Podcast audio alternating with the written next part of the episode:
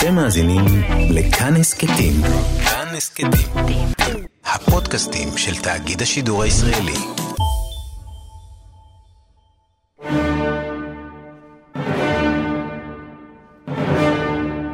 מאחורי הקלעים, שעה עם רותי קרן על צידו הנסתר של עולם התרבות והאומנות.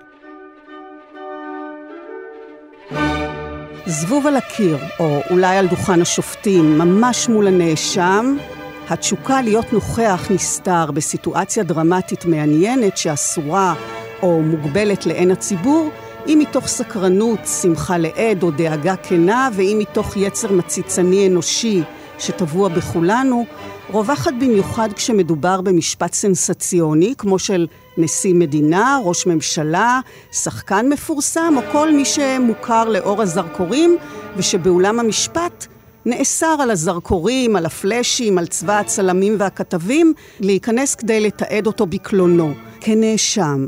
בית המשפט הוא מקום שמשמר משך שנים גינונים וטקסים שנדמה שאבד עליהם הקלח, הגלימות השחורות, הפאות לראשם של השופטים ועורכי הדין שנהוגות עדיין בבריטניה, השפה הגבירתי והאדוני, וגם התיעוד העיתונאי היחידי שמותר באולם בית המשפט, וכמו מנוגד גם הוא לרוח הזמן, האיור. האיור ולא הצילום. מאיירים של הליך משפטי נדרשים לאייר תוך כדי תהליך סיטואציות בתנועה ובמהירות רבה. על דוכני הנאשמים עמדו לא מעט מנהיגים בשנים האחרונות, הנשיא קצב, ראש הממשלה אהוד אולמרט וראש הממשלה בנימין נתניהו, שמשפטו מתנהל בימים אלו. אז את הזכות להיות אותו זבוב על הקיר קיבלה הפעם המאיירת ביאנה זקוטניק, והיום במאחורי הקלעים נשוחח איתה ונשמע על האומנות הייחודית הזאת. אני רותי קרן מגישה ועורכת, מיכאל אולשוונג על הביצוע הטכני. שלום ביאנה. היי. טוב, אז uh, עבור רובנו, או כולנו, להיות נוכחים במשפט נתניהו שאותו איירת, זה בלתי אפשרי. אבל האמת שגם עבורך, עד הרגע שישבת שם עם כלי העבודה שלך, זה היה תסריט uh, דמיוני לחלוטין. נכון, לא יצא לי לחשוב שאי פעם אני אגיע לאיור בית משפט ועוד של ראש ממשלה.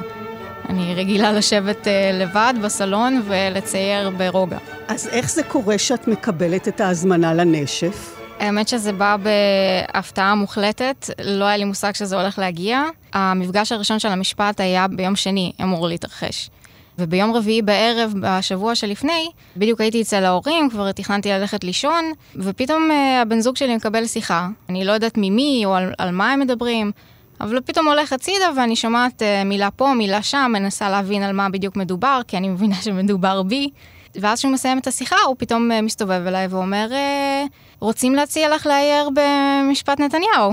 אה, לא ידעתי איך להגיב לזה, לא היה לי מושג על מה מדובר, למה אני, יכול להיות שיש פה איזה טעות. המון לחץ פתאום הגיע, לא הבנתי מה קורה. השיחה של יום רביעי בערב זה היה ממפיק שרק רצה להגיד לנו שזה אופציה. אבל יום למחרת כבר התקשרו אלינו מערוצי התקשורת ואמרו את זה בצורה הרבה יותר אה, רצינית, שזה משהו שהולך להתרחש. ופה הייתי צריכה להבין אם זה משהו שבאמת מתאים לי או לא מתאים לי. ואם שואלים אותי, אז התגובה הראשונית שלי הייתה, אין סיכוי, אין מצב, מלחיץ, אני לא אצליח, אני אאכזב. והייתי צריכה הרבה תמיכה מהסובבים בשביל באמת להסכים לזה, ואני מאוד שמחה שעשיתי את זה.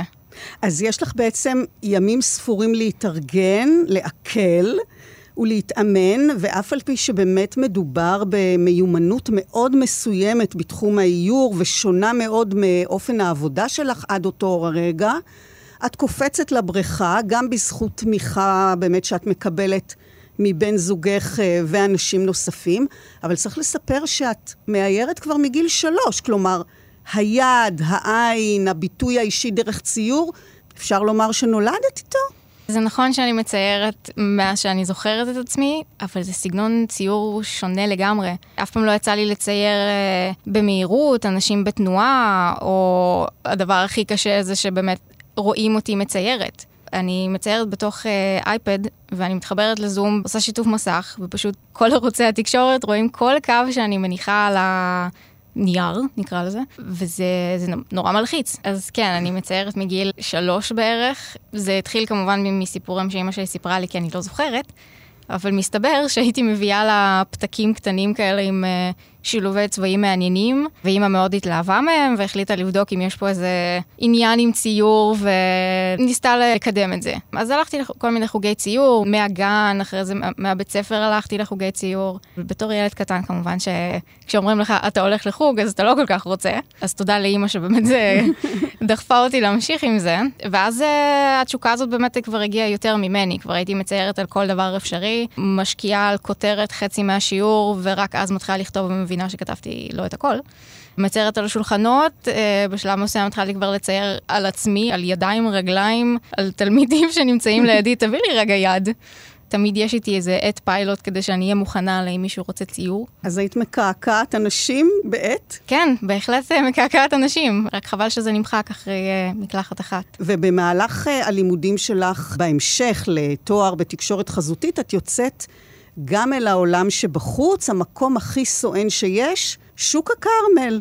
האמת, נראה לי הרבה יותר קשה מבית המשפט. קיבלנו פשוט משימה לעשות איזשהו פרויקט על שוק הכרמל. אז כמובן שברגע שנותנים לי, אה, תעשי מה שאת רוצה, אני הולכת לעולם הציור. אז הלכתי לשוק הכרמל כדי לבדוק אה, איך אני מעבירה את התחושה של מה שקורה שם באיור. אז הבנתי שיש שם המון אה, בלגן ורעש ועומס, לכלוך, כל דבר אפשרי. והאמת שפה די התחלתי את הסגנון האישי שלי, שהוא מורכב מ... המון אלמנטים קטנים, גדולים, עקומים, שהם אה, אחד בתוך השני, והם יוצרים איזשהו בלגן שאת צריכה ממש להתמקד בפרט-פרט כדי להבין מה בעצם יצרתי שם. וכל האיורים האלו נעשים בשיטה הקלאסית, נכון? עיפרון, עט, נייר, צבעים? נכון, זה היה בתקופה שעוד לא, לא הכרתי את העולם הדיגיטלי. ומאוחר יותר באמת את נחשפת לחידושים הטכנולוגיים בתחום הזה, באמת לציור הדיגיטלי, שאיתו את גם מגיעה למשפט נתניהו בעצם. אבל הציור הדיגיטלי היה לו כמה שלבים עד שהגעתי לאייפד שלי. זה התחיל משקניתי וואקום קטן, בגודל A5 בערך, שמתחבר למחשב, ופה זה בכלל מוזר, כי את מציירת על הלוח גרפי הזה, אבל את מסתכלת לתוך המחשב. את בכלל לא רואה את מה שאת מציירת ידנית, כי את רואה את זה במסך. ועם מה את מציירת? עם עיפרון? זה כאילו עיפרון, אבל הוא לא מוציא דיו, את לא רואה את הקו שמצטייר, את, את uh, עם היד על השולחן ועם העיניים על המסך. זאת אומרת, ממש צריך להבין מוטוריקה אחרת. כן, זה, מקום. זה דורש הרבה הסתגלות לזה, אבל uh, פה כבר הבנתי שציור דיגיטלי זה משהו שמאוד עוזר לי לעשות דברים אחרים שלא יכולתי לעשות uh, כשזה ציור ידני. כמו? כמו Control Z. האפשרות לבטל את הפעולה שעשיתי, אם לא אהבתי אותה, זה כל כך פשוט, לעומת אם זה לא דיגיטלי, שאת צריכה איזשהו מאמץ כדי לבטל את הפעולה שעשית. וגם את יכולה אה, להחליף צבעים ברגע, את יכולה אה, לדגום מצבע אחר במקום להתחיל לערבב בצד. כלומר, זה מקצר תהליכים למעשה. וגם מאפשר לך לפתח שפת איור חדשה. הציור הדיגיטלי עזר לי לעשות את הפעולות מהר יותר. כי כן התחלתי לצייר ידני את כל. הקשקושים שלי, נקרא לזה. אבל הציור דיגיטלי נותן יותר אופציה לדיוק. פתאום אני יכולה לעשות זום לאיזה מקום ספציפי, למחוק בקלות יותר, אני יכולה לעשות uh, קו בסגנון אחר מאשר עיפרון ספציפי ייתן לי. זה נתן לי יכולות שאין לי בדף הרגיל. ופרויקט הגמר שלך עסק uh, בנושא של העצמה נשית. הונגש לילדים וזכה לכמעט 80 אלף צפיות ולהרבה תגובות. את גם מתבקשת לצייר uh, ציורי קיר לאגודת הסטודנטים, למשרד שעבדת בו. יש הדים ותגובות ליצירה שלך, ובכל זאת, כשמגיעה ההצעה מתוכנית המקור בערוץ 13, את משיבה אוטומטית בלא, וכמעט מפספסת הזדמנות פז להתפתח, להתפרסם. נכון, כשאני מקבלת פתאום אה, איזושהי הצעה שהיא... כל כך גדולה, אז uh, אוטומטית הפחדים עולים ופחד לא להצליח, לאכזב, אז uh, הדבר הכי קל לעשות זה פשוט להגיד לא ולברוח. אז מזלי שהבן זוג שלי ישב לידי כשהחבר שלנו, uh, ניר, התקשר אליי כדי להציע לי לצייר את משפט אולמרט. לי ולתומר יש חבר מהלימודים, ניר, והוא עובד בתוכנית המקור. הם עבדו על uh, תוכנית למשפט אולמרט, כי הם קיבלו uh, הקלטות חדשות והם רצו uh, לעשות תוכנית שתציג אותם. אבל ההקלטות הם היו צריכים משהו ויזואלי להראות, ולא היה להם. אז בגלל שעבדתי עם ניר בלימודים, והוא ידע שאני מאיירת, הוא פתאום התקשר אליי יום אחד ואמר, אנחנו רוצים שתארי לנו בסגנון ריאליסטי. עכשיו, סגנון ריאליסטי זה משהו שהוא מצריך הרבה מאוד uh, עבודה ודיוק, זה באמת צריך להיות דומה לבן אדם שאני מנסה לאייר. וכמובן, uh, פחדתי שאני לא אצליח, זה לא יהיה מספיק דומה, המקור לא יאהבו את זה, ואז זה כאילו אני מבזבזת להם את הזמן, uh, כל הפחדים האלה. של... Uh, אז אמרתי לא, כמה פעמים, והבן זוג שלי, תומר, שישב לידי, שמע את כל הלואים האלה, ובגלל שהוא כבר מכיר אותי, הוא פשוט לקח את הטלפון מבלי לדעת על מה מדובר ועם מי אני מדברת, ואמר, כן, היא יכולה. מה, מה אתה צריך ממנה? וזהו, ברגע הזה הוא פשוט לקח את הטלפון, הלך לחדר אחר, אחרי uh, 20 דקות, לא יודעת, חצי שעה, חוזר אליי, אומר, היום בערב את uh, מגישה איור לדוגמה לתוכנית המקור, ואנחנו מתקדמים הלאה. וזה מה שעשיתי. ישבתי כמה שעות ואיירתי איור לדוגמה, שלחנו להם, וקיבלתי את הפרויקט. אז בעצם, מה שאת אומרת זה שתומר בעצם uh, הופך להיות מין אמרגן, סוכן, מנוע, בכלל, צריך לספר אולי שכדי לתקשר איתך, עושים את זה דרכו. אחרי שתומר לקח את הטלפון ואמר כן במקומי, אני uh, החלטתי שמעכשיו uh, אני הופכת אותו לסוכן שלי, וכל פרויקט שיכולים להציע לי, אני פשוט uh, מעבירה את הטלפון של תומר. אני אומרת, תודה רבה, מתלהבת שאוהבים את האיורים שלי. אבל uh, מפה והלאה זה לתומר, כי גם ככה אני אשאל אותו ואתייעץ איתו מה כדאי לי לעשות, והוא פשוט ממש טוב בזה, אז uh, תנהל את זה. הוא זה שיגיד את הכן שאת פוחדת להגיד. בדיוק. אז באותו ערב את כבר מתחילה לאייר את הציור של אולמרט כדי להציג למערכת התוכנית. בעצם זה היה סוג של חזרה גנרלית לקראת משפט נתניהו, כשאת כמובן לא יודעת שזה מה שיגיע בהמשך. אבל כאן לא נדרשת לשבת בבית המשפט, התוכנית אה, שידרה את התחקיר הזה אחרי משפט אולמרט, כשאת צריכה להוסיף את הממד הוויזואלי, אנחנו מדברים על טלוויזיה, להקלטות שהם ישמיעו. אז הפרויקט של לאייר לתוכנית על אה, משפט אולמרט, זה הכנה נחמדה למשפט נתניהו, אבל אה, בצורה די שונה, כי זה באמת משפט שהוא כבר קרה, ואני לא יושבת שם וצריכה לאייר אנשים זזים. אני אוספת uh, תמונות, אני מכינה מהם uh, קולאז'ים כדי לבנות את הדמות שאני רוצה לאייר אחר כך, שתתאים להקלטות החדשות שהם קיבלו, איך הבן אדם הרגיש בזמן שהוא דיבר, איך הוא אולי ישב, עמד. זה כמובן גם uh, בתיאום עם תוכנית המקור, שהם שולחים לי את הסקיצות, איך הם רוצים שזה ייראה, הם שולחים לי הסברים איך הם רוצים שהדמות תזוז, או הבעת פנים מסוימת. אז אחרי שאני בונה קולאז' מהרבה תמונות של הדמות, של אולי תנועות גוף. צילומים בעצם, שאת אוספת. כן, אני אוספת צילומים של ה... למשל, קיבלתי אה, בקשה לצייר את אה, אולמרט, אה, חצי גוף, בפרופיל עם אה, ידיים למעלה, ושיראה כועס. אז השלב הבא שאני צריכה לעשות זה לאסוף המון תמונות של אולמרט מכל מיני אה, זוויות, מכל מיני תנועות גוף, הבעות פנים, ואז מכל התמונות האלה אני מייצרת איזשהו קולאז' שיבנה את הדמות שמבקשים ממני לאייר. ולמרות שלא מדובר באיור בלייב, היה לחץ זמן, מגבלה שאת קצת מתקשה איתה. ובכלל, אין לנו מושג כמה זמן באמת נדרש לכל איור כזה. יש תחושה שזה איזה שרבוט, שזה איזה קשקוש, אבל אפילו פריים אחד, נניח אה, של שנייה בסרטון הגמר שלך, כמה זמן לקח לך לצייר? בפרויקט גמר יכולתי לעבוד איזה שבוע, שבועיים על אה, פריים אחד. פריים אחד. אבל בזכות הציור הדיגיטלי, את מצליחה במשימה די מורכבת, תרתי משמע. נכון, זו הייתה עבודה מאוד קשה וצריך לעשות את זה מאוד מהר. בתקופת זמן מאוד קצרה, תוך כדי שאני גם במשרה מלאה, הייתי צריכה לייצר סביבות 40-50 אה, איורים.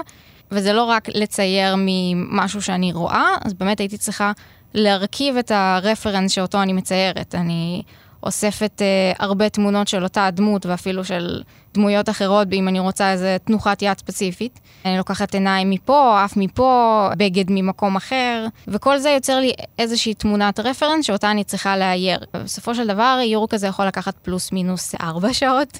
וואו. כן, וצריך... Uh, 40-50 איורים כאלה, זה לוקח זמן. אז על מה את צריכה להתעכב ולדייק באיורים האלה? כשמבקשים סגנון ריאליסטי, בעיקר חשוב לי שיזהו את הבן אדם. הכי הרבה התמקדות אצלי הייתה בפנים, אחרי זה השיער, ואחרי זה הגוף זה כבר uh, פחות uh, סימן היכר של הדמות. אז אני מתמקדת בעיניים, בזווית פה, אולי אם יש קמטים, או שערה ספציפית שזזה פוני לפה.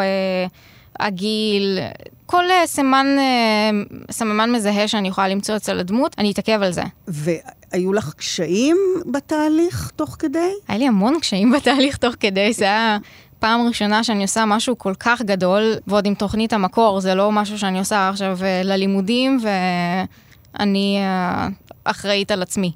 מהשלב ההתחלתי, אני מכינה את הקולאז', אני שולחת קדימה לניר, זה שהביא לי את העבודה. ואז מתחיל התמסרות ביחד עם ניר, אם זה מתאים למה שהוא רצה לקבל. אז פתאום אני צריכה לתקן את הקולאז' ועוד פעם קדימה אחורה מתקנת עוד פעם את הקולאז'. עד שסוף סוף מאשרים את הקולאז' אני מתחילה לאייר. ואז גם פה יכולה להיות התמסרות קדימה אחורה. זה לא מספיק דומה, אנחנו רוצים uh, קצת זווית שונה, אנחנו רוצים קצת, פתאום תוסיפי יד. אז זה לא רק לאייר את האיור ולהמשיך לבא, זה לעבוד עוד קצת ועוד קצת על uh, כל איור כדי שזה יגיע בדיוק למה שהלקוח רוצה. והיו אובייקטים שלא הלכו לך, ש- שהצריכו ציור מחדש? האמת שהאיורים הראשונים שציירתי, זה היה באיזשהו סגנון שהיה לי הכי קל, אז ככה ציירתי. ואחרי כמה איורים החליטו שהם רוצים לנסות סגנון אחר, שיראה פחות דיגיטלי. אז הלכנו יותר לסגנון של צבעי מים. אז פתאום אני צריכה לצייר מחדש את כל האיורים שכבר ציירתי, כדי שהם יהיו בסגנון שהם רוצים. ובגלל שזה כל כך הרבה איורים שהם אה, מתפרסים לאורך זמן, אז לאט לאט גם הטכניקה שלי השתפרה. האיורים האחרונים נראים הרבה יותר טוב מהאיורים הראשונים שעשיתי. אז הייתי צריכה לחזור אחורה ולאייר אותם שוב. וממש אם רואים את האיור הראשון והאיור האחרון, הם שונים לגמרי, למרות שזה אותה טכניקה. הייתה איזה דמות שהייתה לך קשה במיוחד? היה איור אחד שניסיתי לצייר את uh, שולה זקן. אני לא יודעת אם התמונת הרפרנס לא הייתה מספיק מדויקת. אין לי מושג מה קרה שם. אני התעכבתי על האיור הזה כל כך הרבה זמן, היא פשוט לא הייתה דומה לעצמה.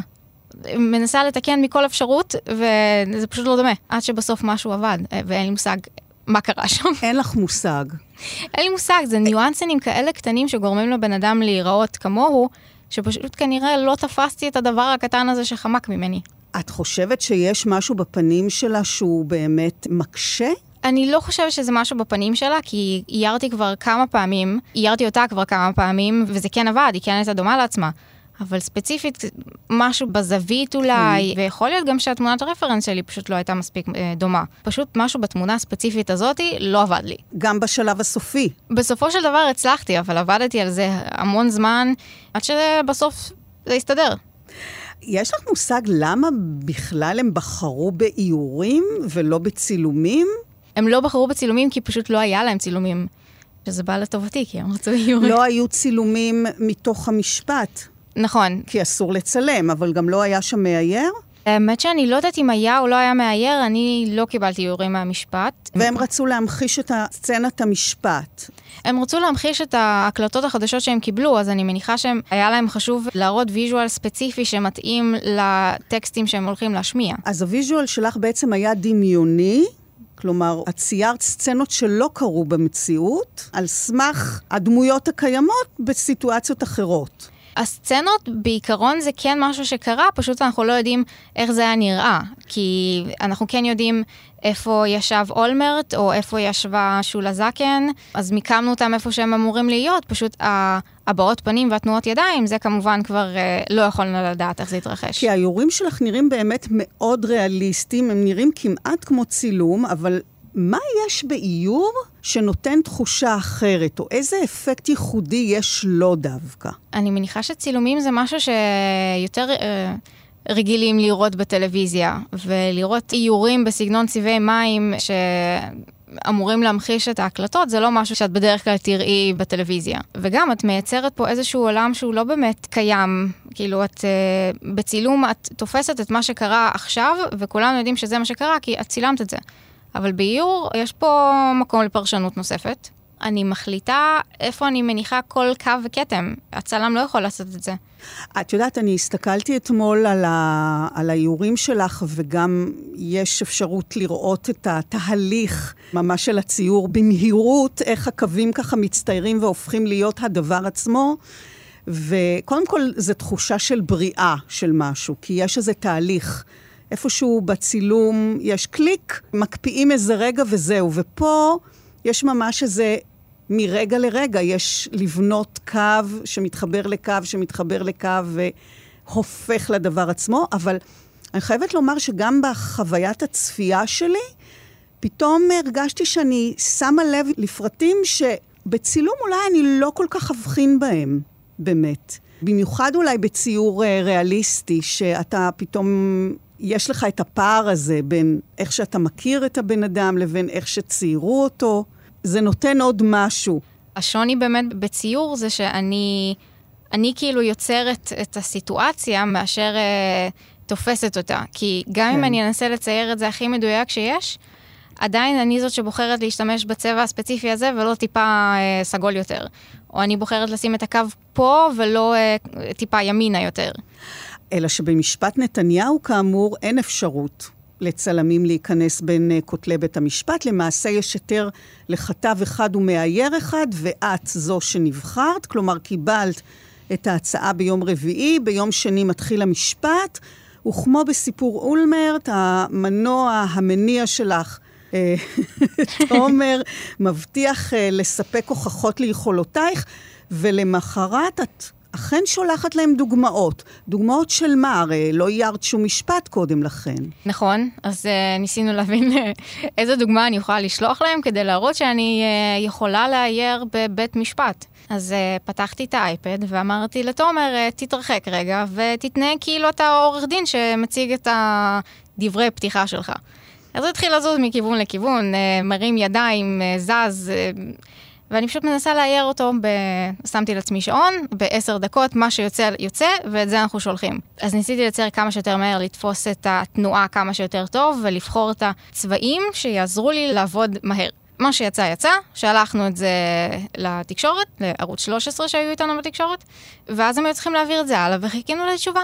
ואז מגיע השלב הבא באודישן, שהוא באמת האתגר שיעמוד בפנייך גם במשפט האמיתי, לצייר בלייב, תוך כדי תנועה של האובייקטים, כשאת מחוברת בזום לכל uh, כלי התקשורת, שבעצם צופים בך עושה את זה, וכמו שקלטתי אותך, לצייר כשצופים בך זה אולי אפילו יותר קשה מעצם הציור עצמו. נכון, זה, זה לחץ שקצת uh, מגביל אותך בהתחלה. אז באמת, אחרי ששלחנו להם את הדוגמה הראשונית, יום למחרת התקשרו אלינו ואמרו, uh, נראה אחלה, אבל אנחנו רוצים לעשות עוד ניסיון.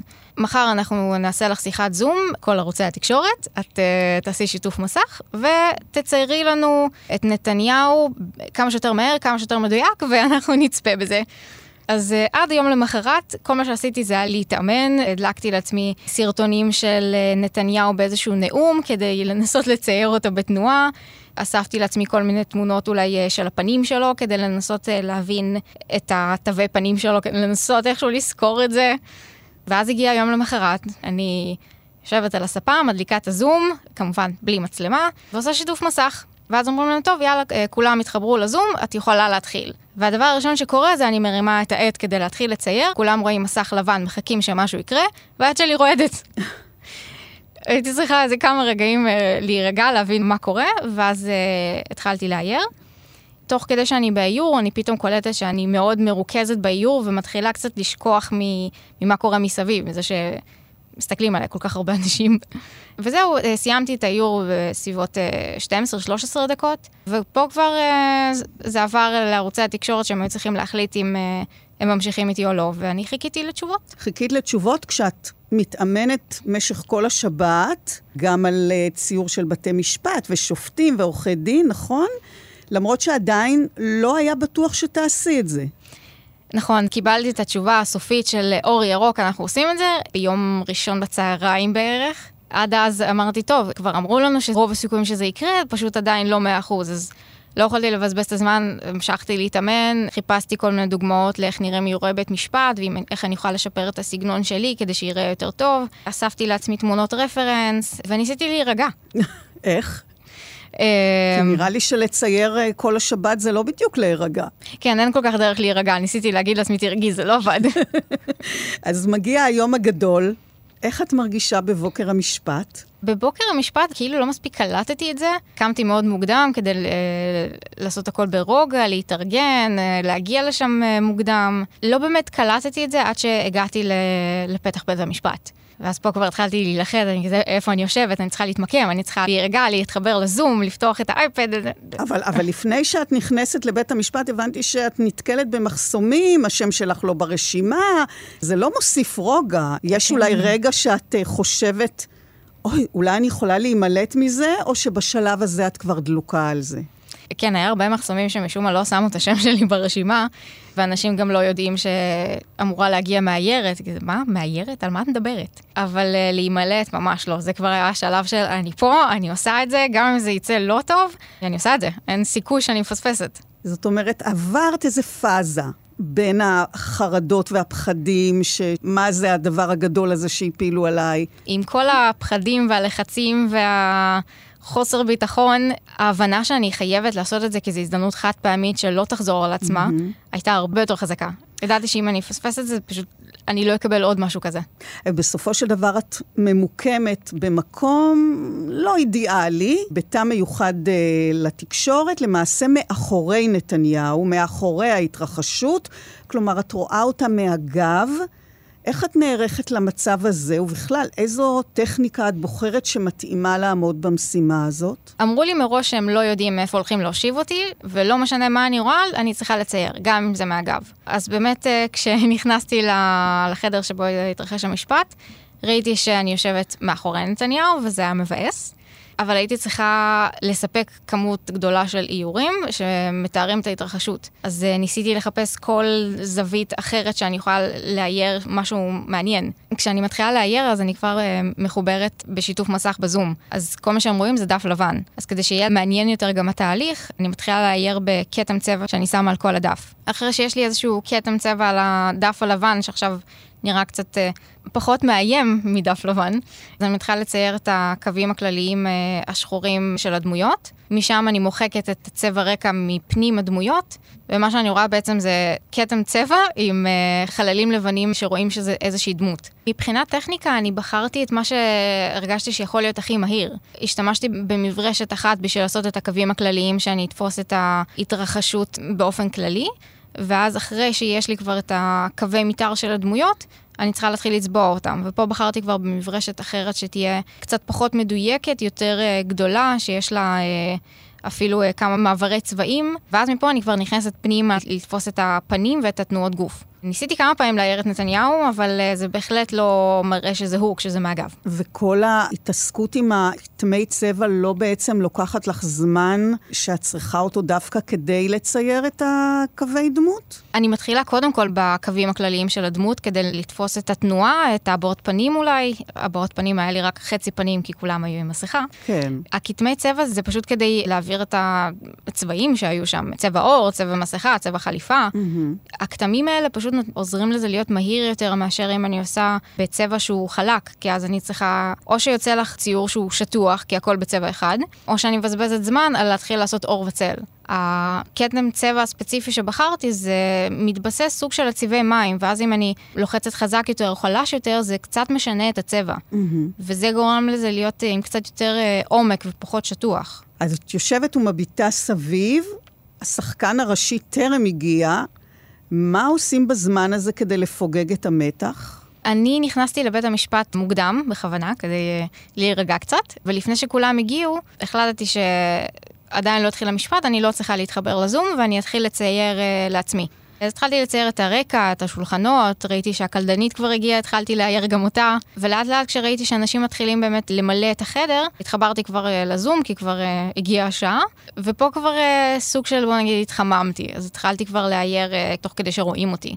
ואז אולי במקום תרועות חצוצרה, את שומעת את שקשוק המצלמות, אלו שאסור להם להיכנס פנימה, אלא רק ככה בפתח, ובעצם את מאוד מתקשה לראות אותו, גם לאורך הדיון כולו. אז איך את מתמודדת עם העובדה שאת צריכה לספק את החומר הכי מעניין, שזה הוא? אז בהתחלה אפילו לא שמתי לב uh, כשנתניהו נכנס לחדר, כי בגלל שהמשפט עדיין לא התחיל, אז הכניסו צלמים. והכמות הנשים הזאת פשוט הסתירה את נתניהו, והייתי צריכה סוג של להידחף ביניהם כדי לנסות איכשהו לראות אותו. כמובן שגם הפעם הוא היה עם הגב אליי, אבל הוא ישב בפינה של החדר, הוא ישב מול העורך דין שלו. אז התחלתי מהר מהר לצייר את הקווים הכלליים של נתניהו, כי זו הדמות הראשית שאני אמורה לספק. התחלה של אה, קווים כלליים של העורך דין שמולו, ותוך כדי שאני מתחילה את הצביעה של נתניהו, הם כבר קמים. ואני קולטת שכל מה שיש לי בציור זה אה, קווים כלליים שלו עם קצת צבע, והעורך דין, שזה חצי מהסיטואציה, לא כל כך קיים שם. אז מהר לפני שאני שוכחת איך זה נראה, אני מתחילה לצייר את הקווים הכלליים של העורך דין, והציור הגמור זה שיש לי את שניהם ורק נתניהו צבוע. אחרי שנתניהו והעורך דין שלו קמו, הם הלכו אה, לשבת במקום שהוקצה להם, ואז בעצם אני מבינה שכל מה שאני רואה זה את הגב שלו עם סוג של אה, פרופיל אה, אוזן ימין. וזה לא כל כך זווית אידיאלית כדי לצייר את הדמות הראשית. ניסיתי לאייר אותו, ואז כששלחתי את האיור הגמור של אה, הגב של ביבי, הכתב מסתובב אליי ושואל, אה, תגידי, את מי ציירת כאן? כי זה... נתניהו. אמ, כן, אז אה, פה הבנתי שהזווית שאני רואה אותו זה לא כל כך uh, מתאים. ניסיתי אחרי זה עוד פעם, אבל uh, זה עדיין אותה זווית. זאת אומרת, הוא לא זיהה אותו, איזו הרגשה. כן, כי זה טוב, השיער, רואים שיער וחליפה, זה לא כל כך שונה מכל בן אדם אחר. לא, אני חייבת לומר לך שרואים, האיור הוא מהגב ומזהים לחלוטין את מתאר הראש שלו ואת השיער שלו. זה לחלוטין מזוהה. אבל את אומרת שראית את אוזן, אה, אוזן ימין כן. מאחור, לפחות אוזן ימין, אה, חלילה לא האוזן השמאלית. אה, זה באמת מעט מאוד. זה גם לא איבר שיכול להעיד על משהו, ובכל זאת שפת הגוף, או מה שכן הצלחת לראות, העיד על איזו סערת רגשות מצידו? האמת שלא. קודם כל, הוא קם משם מאוד מהר. המשפט התחיל, אמרו איזה כמה דברי פתיחה, ואז הוא יצא. כאילו, הדמות הראשית שלי פשוט הלכה. אבל הם... ממה שהצלחת בכל זאת לקלוט, ברגעים הספורים שהוא היה שם, מה... משהו היה בשפת הגוף שהעיד על מה שמתחולל בתוכו? האמת שמנתניהו כמעט ולא, אי אפשר היה ממש להבין מה, מה הוא מרגיש שם. הוא ישב ברוגע, לא אמר כלום, לא, לא זז. לא באמת דמות מעניינת לאייר אם הוא לא היה המרכז של המפגש הזה. כן, קצת uh, פרדוקסלי. כן. Uh, אז את נאלצת לחפש אובייקטים אחרים. השופטים, עורכי הדין, הנאשמים האחרים, ש... את מגלה שהם מאחורייך, ובעצם אותם את כן יכולה לצייר מלפנים. האמת שכן, בהתחלה לא שמתי לב uh, למה קורה מאחוריי, כי התמקדתי בעיקר בנתניהו, העורכי דין והשופטים. אחרי שכבר ציירתי את כל החלק הזה מכל זווית uh, אפשרית, וחיפשתי מוקד עניין אחר, הסתובבתי אחורה ופתאום אני רואה את הנאשמים שם, ופתאום זה דמויות שאני רואה אותם uh, פנים מול פנים, אני לא רואה אותם מהגב. אז התחלפתי במקום שלי עם הכתב, התקרבתי אליהם עוד יותר. יש בינינו זכוכית, אבל עדיין אני מוצאת את עצמי בקשר עין עם הנאשמים. לא חשבתי יותר משתי שניות ופתחתי דף חדש באייפד והתחלתי לאייר. ואני מוצאת את עצמי בקשר עין עם הבן אדם אה, שיושב מולי, וזו סיטואציה מאוד מביכה. קשר עין עם בן אדם זה לא משהו שאתה רוצה לעשות, אה, במיוחד עם בן אדם שאני לא מכירה, במיוחד בבית משפט, וזה נאשם. אה, ושאת צריכה לצייר אותו. ואין לי ברירה, אני פשוט מתחילה לצייר, ו... בהתחלה אה, אחד מהנאשמים ישב אה, סוג של מכונס, אה, קצת יותר מכופף, ואז כשהוא קלט שאני מתחילה לאייר, אז פתאום מתיישר לראות קצת יותר נינוח נגיד. אבל לי היה חשוב להעביר את התנוחה הראשונית שראיתי. זה היה פריים הרבה יותר מעניין, הרבה יותר ממחיש מה קורה שם. אז נשארתי עם התנוחת גוף הזאתי, למרות שכבר התיישר וככה ישב בהמשך. ופשוט במשך עשר דקות בערך אני בוהה בשלושת הנאשמים עם קשר עין, וזה היה מאוד מאוד מביך. את יודעת, זה מעניין, את עובדת מול המון מגבלות של מרחק, של זווית. מאחור, נזכור שכולם במסכות, כלומר מחצית הפנים מוסתרת, אז אין אף, אין פה, רק עיניים, כך שבעיקר את נשענת על שפת הגוף שיכולה בהחלט להסגיר הרבה דברים. באיור הזה של אה, נוני מוזס, אה, שאותו תיארת, הוא באמת יושב אה, כפוף, שלוב ידיים, רכון, נראה במצב מאוד לא נוח, מאוד לא אופייני לאיש האולי הכי חזק בתקשורת הישראלית. הוא גבר מרשים, הוא גבוה, והאיור שלך חושף אותו בקלונו. זאת הייתה המטרה הראשית שלי, להראות החוצה מה קורה בתוך הבית משפט, דברים שרק אני רואה. יש את הכתבים שמספרים מה בדיוק קורה שם, אבל לי יש את האופציה להראות ויזואלית איך האנשים uh, מתנהגים, איך הם נראים. וכאן באמת, uh, את יודעת, את הצלחת לאתר ולשמר, למרות שהוא שינה את התנוחה, איכשהו היית צריכה בעצם... להשלים את הציור כשהוא כבר יושב אחרת, אז... נכון, ברגע שאני מתחילה איור, אני מנסה קודם כל לתפוס בזיכרון איזושהי תנוחת גוף שבה הדמות uh, יושבת, כי אני יודעת שכל רגע היא יכולה לקום. אז uh, הדבר הראשון שאני עושה זה את הקווים הכי כלליים שאני יכולה כמה שיותר מהר, ולאט לאט אני נכנסת יותר ויותר לדיוק. אז קודם כל את הבחוץ ונכנסת פנימה. לצידו אגב יושב אה, שאול אלוביץ' ואשתו יושבת מאחוריו, ובכיסא לידה מונח התיק שלה, והם, לפחות על פי האיור שלך, נראים uh, יותר נינוחים. הוא יושב uh, כשרגל אחת ככה מונחת על השנייה, בתנוחה די רגועה. נכון, גם לי הוא היה נראה בתנוחה די רגועה, והוא גם לא זז ממנה, אבל לי היה בעיקר חשוב לתפוס את הדמות שהייתה הכי קרובה אליי, שזה נוני, כי הוא היה בצורה הרבה יותר מעניינת, וזה מה ש... בכללי גרם לי לתפוס את כל הסיטואציה הזאת. מנגד את מנסה לאייר את השופטת הראשית, רבקה פלדמן פרידמן. ניסית לעשות לה קלוז-אפ למרות המרחק, ואפילו מצאת פתרונות מיידיים בעצם שלקחת מפרויקט אולמרט. נכון, השופטים ישבו מאוד רחוק ממני, ברמה שאני בקושי יכולתי לראות uh, אם יש להם או אין להם משקפיים, והחלטתי שאני עושה קלוז-אפ לשופטת, כי היא הייתה השופטת הראשית. היה לי חשוב uh, לתפוס איזושהי סיטואציה שמדגישה אותה ושמה אותה במרכז. אז תפסתי את הקווים הכלליים שלה, מרימה ידיים או היא מתכופפת או ליד המיקרופון, אבל את הפנים כבר זה כבר היה משהו מטושטש בשבילי. לא יכולתי לצלם כמובן, אבל כן היה לי את הפלאפון שלי, חיפשתי תמונות שלה, תמונות באיכות טובה של הפנים שלה, ופתאום יכולתי לתת יותר דגש לאיך נראות המשקפיים שלה, שבכלל לא ראיתי מהמרחק שבו ישבתי. ועורכי הדין הם בעצם הדמויות שנעות. כלומר, מצד אחד הן מספקות את האקשן, מצד שני, הן כל הזמן משנות תנועות, וזה מקשה עלייך להספיק לצייר תוך שניות. העורכי דין בהחלט היה לי מאוד קשה לצייר, כי פשוט זזים מצד לצד וכל הזמן הידיים בתנועה אחרת, ואני מנסה לתפוס בזיכרון איזושהי תנועה ספציפית כדי להתחיל לצייר, ובאמת לוקח לי זמן עד שאני מניחה את הקו הראשון, כי אז זה אומר שהתחייבתי לאיזושהי תנועה שאני לא בטוחה שאני זוכרת אותה. אז uh, כששמתי לב שכבר יש תנועות שחוזרות על עצמם, בחרתי אחת ספציפית שהצלחתי לזכור משהו וציירתי הכי מהר שאני יכולה לפני שאני שוכחת. וזה בעיקר, uh, ניסיתי לתפוס איזושהי זווית גוף וידיים, כי זה כל מה שראיתי מהגב. בשלב הזה אני מעלה את זה ל Dropbox, כדי שהתקשורת כבר תוכל להתחיל אה, להשתמש בזה, ולא לחכות שבאמת המשפט uh, ייגמר.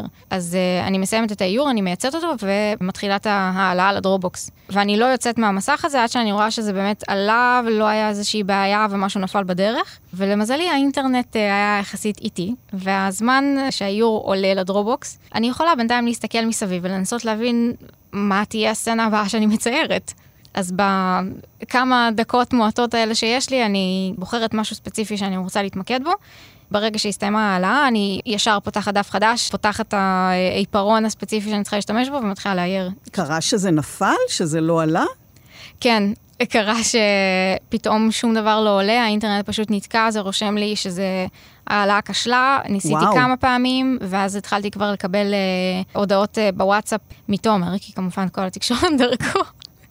שהם דיברו איתו והוא שלח לי הודעות. הוא שלח לי הודעות של, עזבי, חבל על הזמן, תמשיכי לאיורים הבאים, תעלי אותם uh, כשתצאי. אבל רגע, אבל אותו איור שבעצם לא עלה כי התקשורת כשלה, הוא שמור או שאת צריכה... הוא שמור. הוא, אז לפחות, זאת אומרת, האיור לא הלך לאיבוד, הוא נכון. רק לא עבר. האיור שמור וגם הסרטון של התהליך זה הכל שמור באייפד. פשוט הם רוצים שאני אשלח להם תוך כדי, כי הם כבר תוך כדי מתחילים uh, לרשום לדווח, את הכ... לדווח, כן. כן. אז בתום שלוש שעות הדיון מסתיים. הדיון לא הסתיים, הדיון עוד המשיך, אני לא יודעת כמה זמן, אבל אותי הוציאו אחרי שלוש שעות. איך את מרגישה? המון רגשות בו זמנית. קודם כל, אני אומרת איזה כיף שסוף סוף יצאתי, אני יכולה רגע לנשום. הלחץ ירד, אף אחד לא רואה מה אני עושה. לא ידעתי אפילו מה, מה להרגיש. זה, זה, כל הלחץ הזה שהצטבר לשלוש שעות האלה, פתאום הכל נגמר. פתאום שקט, פתאום, אה, פתאום אין לחץ. וזהו, סיימתי ואני יכולה ללכת הביתה. ואז אה, פתאום כשאני פותחת את הטלפון, אני רואה המון הודעות מחברים ומשפחה שלא ידעו שאני הולכת לעשות את זה, כי אמרו לי לא לספר. Mm. אז פתאום אני מקבלת הודעות של, אה, תגידי, יש מצב שאת uh, עכשיו בבית משפט של נתניהו? כי ראינו את השם שלך על אחד האיורים.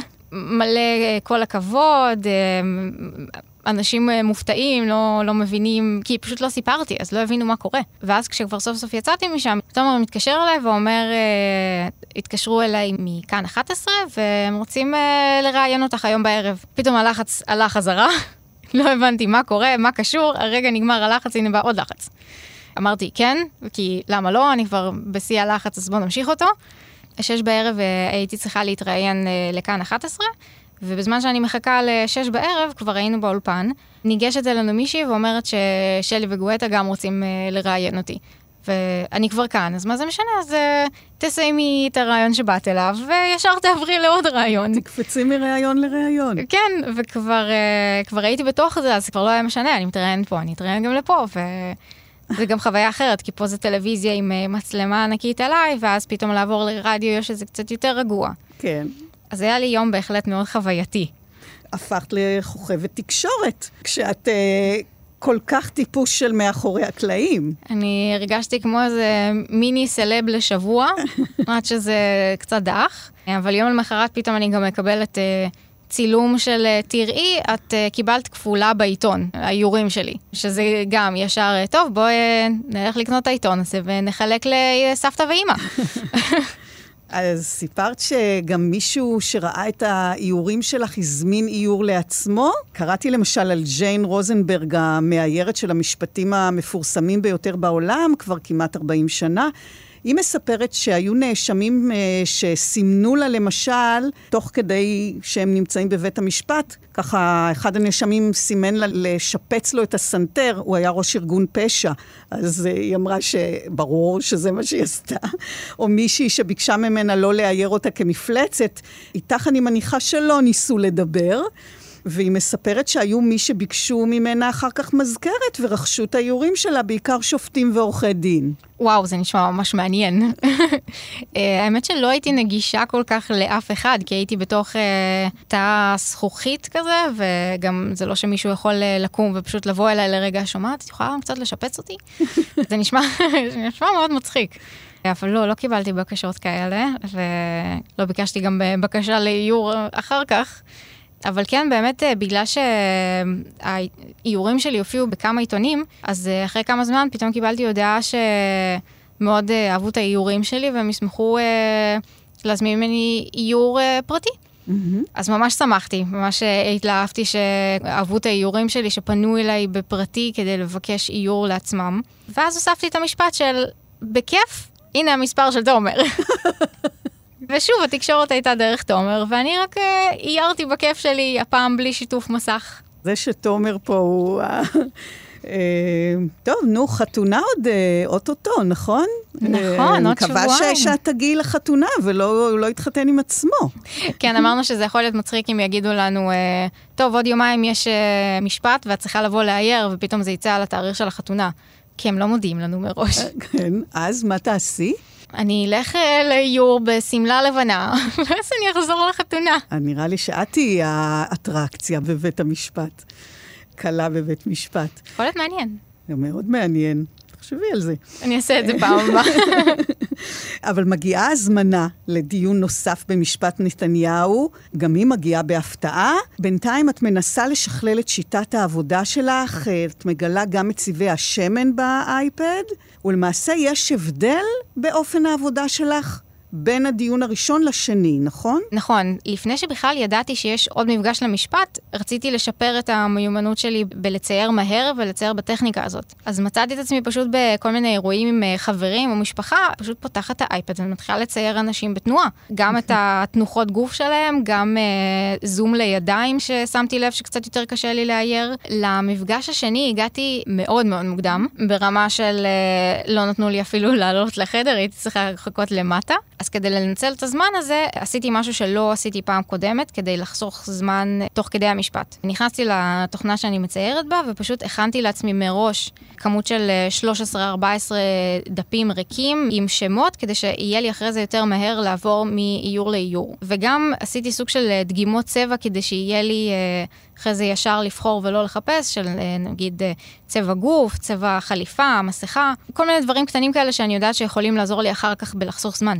ואז כשסוף סוף נתנו לי אה, לעלות למעלה, להתחיל להתמקם, אז התחלתי כמו בפעם הקודמת, להתחיל לאייר בשביל עצמי, בלי שיתוף מסך בזום. התחלתי לצייר שוב את הרקע, שוב את הקלדנית, קצת להירגע ולהיכנס לעניין. ואז שהמשפט התחיל, עשיתי שיתוף מסך והתחלתי לאייר את האיור הראשון. ראיתי עורכת דין שמתעסקת בטלפון שלה, ראיתי שהיא לא כל כך uh, זזה, אז אפשר לנסות לתפוס את זה. ואז כשאני מתחילה לאייר, היא פתאום uh, מחליטה שהיא הולכת. ואני מנסה, אמרתי, טוב, כבר התחלתי את האיור, כבר כולם רואים שאני בתוך האיור, ואני מנסה לצייר מהזיכרון, ופשוט לא, לא מצליח לי. אני מנסה לסדר שם איזה משהו, איך נראית היד, איך נראה הפלאפון, השיער, ושום דבר פשוט לא נראה טוב, ואני מנסה ומנסה, ואני רואה שזה לוקח לי זמן, ובינתיים דברים מתחילים להתרחש מסביב. אז החלטתי שזה פשוט אה, לא שווה את זה, ויתרתי על הציור. כולם ראו שיש ציור שלא סיימתי אותו, ועברתי פשוט לסצנה הבאה. והפעם, כשנתניהו מגיע, את נעשית יותר אסרטיבית. הפעם ידעתי שאני צריכה לשים לב שנתניהו מגיע, ולנסות לתפוס את הרגע הזה שהוא הגיע. אז ברגע שהתחלתי לשמוע את כל הפלאשים של הצלמים, הבנתי שמשהו קורה. שוב, לא ראיתי שום דבר מהתא שאני נמצאת בו, אז... Uh, עליתי על הספסל שם, אבל כמובן לעמוד על ספסל בבית משפט זה לא כל כך uh, מקובל, אז ישר אמרו לי, תרדי משם. אז החלטתי שאני יוצאת מעתה, לכיוון ה... איפה שכל הצלמים נמצאים. נדחפתי בין כולם כדי לנסות להגיע לשורה הראשונה למחזה. וזה רגעים שאני פשוט לא יכולה לחשוב יותר מדי, אני פשוט עושה ומקווה לטוב. אני פותחת את ה iPad, פותחת את הדף הראשון, תוך כדי שאני בשיתוף מסך, ומתחילה לאייר כמה שיותר מהר. למזלי, הפעם נתניהו ישב עם uh, שני עורכי דין, אם אני לא טועה. הם היו עם הגב, ונתניהו היה בסוג של פרופיל uh, פרונטלי. זה היה מדהים, אמרתי, זאת ההזדמנות שלי סוף סוף לצייר את נתניהו, כי אחרי זה אני יודעת שהוא יושב עם הגב אליי. התחלתי לאייר קווים כלליים, צבעים, מה שאני יכולה.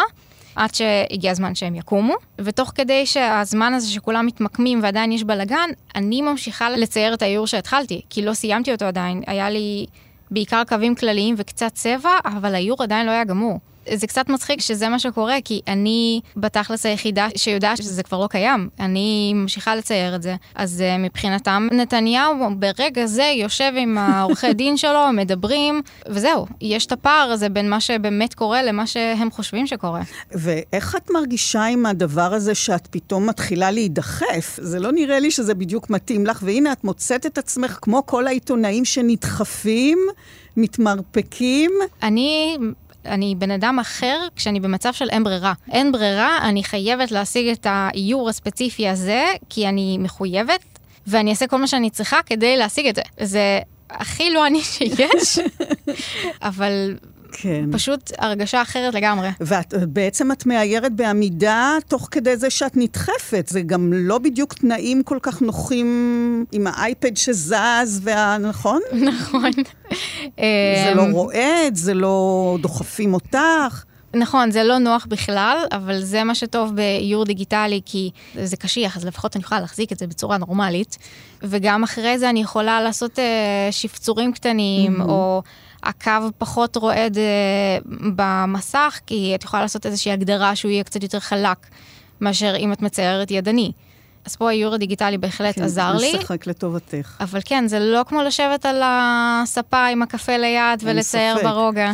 תגידי, ואז את מצליחה ממש להתקרב מולו והוא מבחין בך שאת מציירת אותו? אמ, היה קשר עין? לא היה קשר עין, הוא לא הסתכל עליי. אני לא חושבת שעניינתי אותו באיזושהי צורה. אז הוא לא ראה שאת מציירת אותו בעצם. היו כל כך הרבה צלמים מסביבי, שאני חושבת... זה היה עוד השלב שהיו צלמים. כן.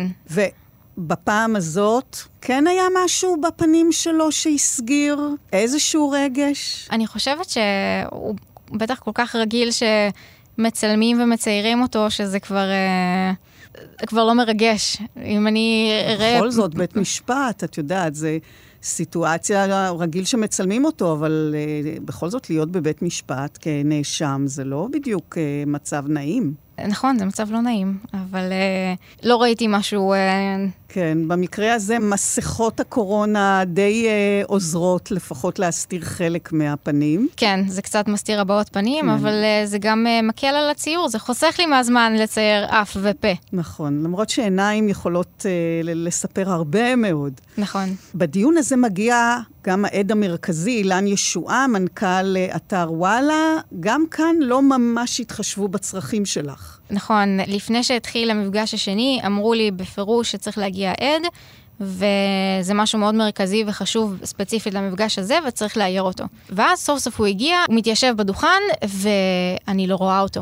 הוא פשוט ישב על כיסא כל כך נמוך, פשוט הדוכן עצמו הסתיר אותו. התבאסתי, לא הבנתי מה אני אמורה לעשות, תוך כדי שאני מציירת כבר סצנה אחרת, פתאום נפתחת הדלת ונכנס בן אדם עם כיסא, כיסא על גלגלים, ופשוט מתחיל אה, להוביל אותו במרכז החדר. כולם בדממה, לא מבינים מה קורה, כי זה עושה גם המון רעש. והוא הביא לאילן את הכיסא, ופתאום אני אוכל לראות אותו. את תיארת את הסיטואציה הזאת? לא, את הכיסא, וואי, חבל שלא עשיתי את זה. אמ, זה בהחלט היה מצחיק, זה פשוט עשה דממה באולם, לא הבינו מה קורה, כי פשוט באמצע משפט כל כך רציני, פתאום בן אדם עם כיסא באמצע החדר. ואף על פי שזה כבר דיון שני, את כבר יותר מיומנת, אה, אולי פחות נרגשת, אבל עדיין המפגש הפרונטלי עם הנאשמים, ש... יושבים באותו מקום מאחורייך, עדיין מביך אותך. כן, הפעם ידעתי שיש נאשמים מאחוריי, שזה כבר איור פרונטלי, אבל גם הפעם שהסתובבתי אליהם, ראיתי קודם כל שהם יושבים ממש באותה תנוחה כמו פעם קודמת. אולי היה... הם לא קמו מאז, אולי הם נשארו שם. יכול להיות, אולי נחמד להם שם בכיסא. ואני מניחה שזה היה רק לי ככה בראש, אבל הקשר עין הראשון במפגש השני היה סוג של, אה, כבר היינו בסיטואציה הזאת, רציתי להוציא סוג של חיוך של אני מכירה אותך כבר. היי.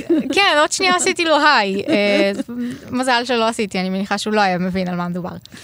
אבל שוב מצאתי את עצמי בסיטואציה שאני בקשר עין של עשר דקות עם אנשים שלא יכולים לברוח ממני, כי הם צריכים לשבת שם, ואני פשוט יושבת, פוהה בהם ומציירת. אני מניחה שזה פחות נעים גם להם. כן, אה, בדיון הזה את מנסה לתפוס את החקירה של אה, עורכת הדין שמתחקרת את העד, את אה, תנועות הידיים שלה, ומשהו לא עובד שם, נכון? כשאני מחפשת מה לצייר, אז יש את העורכי דין שהם גם משהו מאוד מרכזי, כי הם אלה ש... יש להם את הדברי פתיחה, יש להם כל אחד את הטיעון שלו, מדברים לשופט, אבל אני רואה אותם רק מהגב, וכל מה שאני יכולה להציג זה את הגב ואת התנועות ידיים. כי אני לא רואה הבעות פנים, אני לא רואה אה, במה הם מתעסקים, אבל גם מהגב אפשר לראות שיש הבדלים בין אה, עורך דין לעורך דין. יש איור אחד למשל שתפסתי עורך דין שמהגב היה נראה יותר אה, עצבני או יותר אה, לחוץ, כי היה הרבה תנועות של מצד לצד, הרבה פעמים ידיים באוויר, מסתכל לפה, מסתכל לשם, התנועה הרבה יותר מהירה. מהירה ותזזיתית. אז כמובן שזה משהו שהרבה יותר קשה לאייר, אבל זה היה נראה לי פריים מאוד חשוב לתפוס את כל התנועה הזאת. לעומת זאת, היה עוד עורך דין שפתאום היה נראה במצב רוח שונה לגמרי. לא זז מהשולחן, תנועות ידיים מאוד מועטות, מחזיק יד מבלי לזוז יותר מדי, שגם את זה איירתי, ואז יש uh, סוג של תיעוד של שני סוגים לעורכי דין. אז האיור הבא שאני מנסה לאייר, ראיתי שיש... Uh, עורכת דין, תוך כדי שהיא מדברת, היא מזיזה הרבה ידיים והרבה תנועות גוף, זה היה נראה לי משהו שמעניין uh, להתמקד בו. אז התחלתי לאייר, ומשהו פשוט לא עבד שם עם הידיים. היא כבר uh, זזה לתנוחה שהידיים שלה כבר לא באוויר, ואני לא רואה אותם, ואני בטוחה שהרבה מהעירים יכולים להתחבר ל... לזה שידיים זה משהו שמאוד קשה לצייר לפעמים. אז מחקתי, ציירתי, מחקתי שוב, ציירתי בזווית אחרת. בסופו של דבר אה, משהו יצא, לא הכי יפה, אבל אה, לא יכולתי לבזבז על זה יותר מדי זמן, כי האיור עצמו היה לי, פשוט עם ידיים כן. קצת פחות יפות. ממה שאני מבינה זה דורש קודם כל ריכוז שיא. וסיפרת לי שאת אדם שכל תנועה מסיחה את דעתה, אז זה, זה דורש יכולת הבחנה מאוד מדויקת ומהירה, וכמובן עצם הביצוע, תוך כדי תנועה, בזמן אפס, מול צופים שממתינים. יש איזה סוד או תכונות שאת חושבת שנדרשות ושניחנת בהן למרות כל החששות וחוסר הביטחון? אני בהחלט גיליתי על עצמי משהו שלא בטוח שידעתי. זה מאוד מלחיץ להתחיל איור ולדעת ש... מסתכלים עליי ואני צריכה לעשות את המיטב ולהצליח לאייר מהר וטוב ודומה. זה נכון, אני uh, מאבדת ריכוז מאוד מאוד מהר. אני יכולה למצוא את עצמי אחרי כמה דקות פתאום בעולם אחר לגמרי משלי, אבל דווקא כאן זה יכול כן לבוא לטובתי, כי אני כל הזמן צריכה לראות אם יש משהו מעניין שאני צריכה לתפוס. אז אם אני באמצע איזשהו איור, אז אני שמה לב שמשהו מתחיל להתרחש לידי, אני צריכה מהר מהר לסיים את האיור הזה כדי לעבור לדבר השני שקורה לפני שהוא נגמר. אבל כמה שניות אחרי שאני מתחילה לאייר, אני פשוט מוצאת את עצמי מרוכזת כל כך בניסיון להעביר את מה שאני רואה, שאני כבר קצת שוכחת שבוהים בכל קו שאני מניחה על הדף. שזה משהו שמאוד נחמד לגלות על עצמך, כי זה עוזר. ולאייר כל כך מהר, זה איזושהי תכונה שיושבת על איזשהו סוג של כישרון? לאייר מהר זה הדבר האחרון שאני יכולה להגיד על עצמי שאני טובה בו. בכללי, אני לא בן אדם מהיר, אני עושה דברים אה, די לאט, בוא נגיד ככה. אה, אני מאיירת בקצב שלי, אם יש לי איזשהו דדליין, אז אני עדיין אצייר בקצב שלי, ואז יום לפני אכנס ללחץ ואז אצייר מהר. אבל לאייר מהר זה באמת משהו ש... יחסית חדש לי, והייתי מאוד uh, מופתעת לטובה שאני מצליחה לעשות את זה, כי אני כן עובדת טוב בלחץ. ברגע Aha. ששוב, האין ברירה הזה ושל את חייבת עכשיו לסיים את זה, אז אני עובדת בלי לחשוב. כל מה שיש לי בראש זה מהר, מהר, מהר. כן. תסיימי. איך בכלל מצליחים, אה, אפרופו הזמן, שלוש שעות רצופות לשבת על ספסל עץ, לא לאכול, לא לעשות פיפי, גם להיות בריכוז, גם לעמוד במשימה? מה היה לך הכי קשה? הכי קשה זה העובדה שאני מסיימת איור ואני ישר צריכה להתחיל עוד אחד. אין לי את הבין לבין רגע להבין מה קורה. לא, אני כל השלוש שעות צריכה להיות בשיא הריכוז של לחפש סיטואציה, להתחיל לאייר אותה, להעלות אותה לדרובוקס, וישר להתחיל לחפש עוד סיטואציה. ככה במשך שלוש שעות. פה ושם אני צריכה לקחת איזה שלוק מים, ואני מפחדת להרעיש, אולי להפריע במשפט. אני באמת צריכה לזכור לפני זה לאכול ולשתות, כדי שזה... כמה שפחות הפרעות בשלוש שעות האלה. אז לפני שמתחיל אה, משפט, אני קמה בערך בחמש בבוקר כדי לשתות אה, קפה, לשתות מים, כדי שכשאני מגיעה למשפט, אני לא אצטרך שום דבר. גם לא, לא לשתות לפני כדי שאני לא אצטרך ללכת לשירותים פתאום. הבעיה שבמשפט השני, אני קצת אה, לא הספקתי לאכול לפני, אני לא שמתי לב לשעה, ואז כבר התחיל המשפט ואני קולטת, טוב, עכשיו שלוש שעות, תשכחי מאוכל. אחרי שעתיים הבנתי שאני כבר ממש רעבה, ויש לי עוד שעה, ואני כבר מתחילה אה, לאבד ריכוז, כל דבר, כי זה אה, יושב אה, ב, בצד הראש של, כן. את רעבה, את רעבה. ואז uh, התחלתי לחטט בתיק, לראות אם יש לי איזה משהו שם, וראיתי איזשהו חטיף, עכשיו חטיף זה דבר מרעיש, זה חטיף שוקולד קטן. התכופפתי, ניסיתי לפתוח כמה שיותר לאט ובשקט את החטיף, עדיין שמעו את זה. ברור, כי כשעושים את זה לאט, הכי שומעים את זה. אמרתי, אני אעשה את זה מהר, אולי זה ירעיש יותר, לא יודעת. פתחתי את החטיף, שני ביסים, פשוט דחפתי לפה לאכול את זה כמה שיותר מהר כדי להרגיע את עצמי. שגם אה, אוכל, אני אוכלת נורא לאט, זה גם משהו שלא מתאים לי. לסגור פינה, לא להיות רעבה, שזה יצא לי מהראש ואני אמשיך להיות מורכזת לשעה הקרובה. יש רגע מרגש או מפתיע בשבילך על עצמך? יש גם המון התרגשות, כן, העובדה ש... פנו דווקא אליי, mm-hmm. מכל המאיירים שקיימים ומכל הסגנונות שיש לאנשים, בחרו דווקא אותי. אז זה הרגע שפנו אלייך, אותו צלצול טלפון ביום רביעי, או ההגעה לבית המשפט והעשייה הזאת? זה שמלכתחילה פנו אליי, אמרתי לעצמי, גם אם בסוף זה לא יצא לפועל מכל מיני סיבות, העובדה שפנו אליי, זה כבר נותן לי איזושהי התרגשות של אה, איזה כיף פנו אליי בשביל לאייר את משפט נתניהו, משהו כל כך תקשורתי, רצו את האיורים שלי. בתור מישהי שמאיירת מגיל שלוש, זה, כן. זה קצת, זה, זה מאוד מרגש. את אמנם עובדת uh, בהייטק, באיורים ועיצוב סרטוני uh, פרסומת לאפליקציות, אבל החוויה הזאת בבית המשפט, הדברים שגילית על עצמך, אפילו הפריצה הזאת לקדמת הבמה מאחורי הקלעים, מדגדגת לך להמשיך בזה? אני לגמרי אשמח להמשיך עם זה, אני ממש רוצה שיקראו לי שוב למשפט. אני יודעת שזה עדיין יהיה מלחיץ וקשה ומפחיד, אבל זו חוויה מטורפת, זה לא חייב להיות איזה משהו שאני, שזה המקצוע שלי להיות uh, מאייר בית משפט. אבל איור זה תמיד יהיה תחביב שלי, לא משנה במה אני עוסקת בחיים, ואני אני פשוט אמשיך עם זה מכל כיוון אפשרי שיציעו לי. ביאנה זקוטניק, תודה רבה לך. תודה רבה לך. בתוכנית מאחורי הקלעים שוחחנו היום על אה, איור בדיונים משפטיים. תודה למאיירת ביאנה זקוטניק שאירה ותיעדה את משפט נתניהו. אני רותי קרן מגישה ועורכת. עוד תוכנית גם בשישי הבא בשש, השידור החוזר בשבת בשתיים בצהריים, וכמובן אה, בהסכת, לצד כל התוכניות הקודמות, Midwort.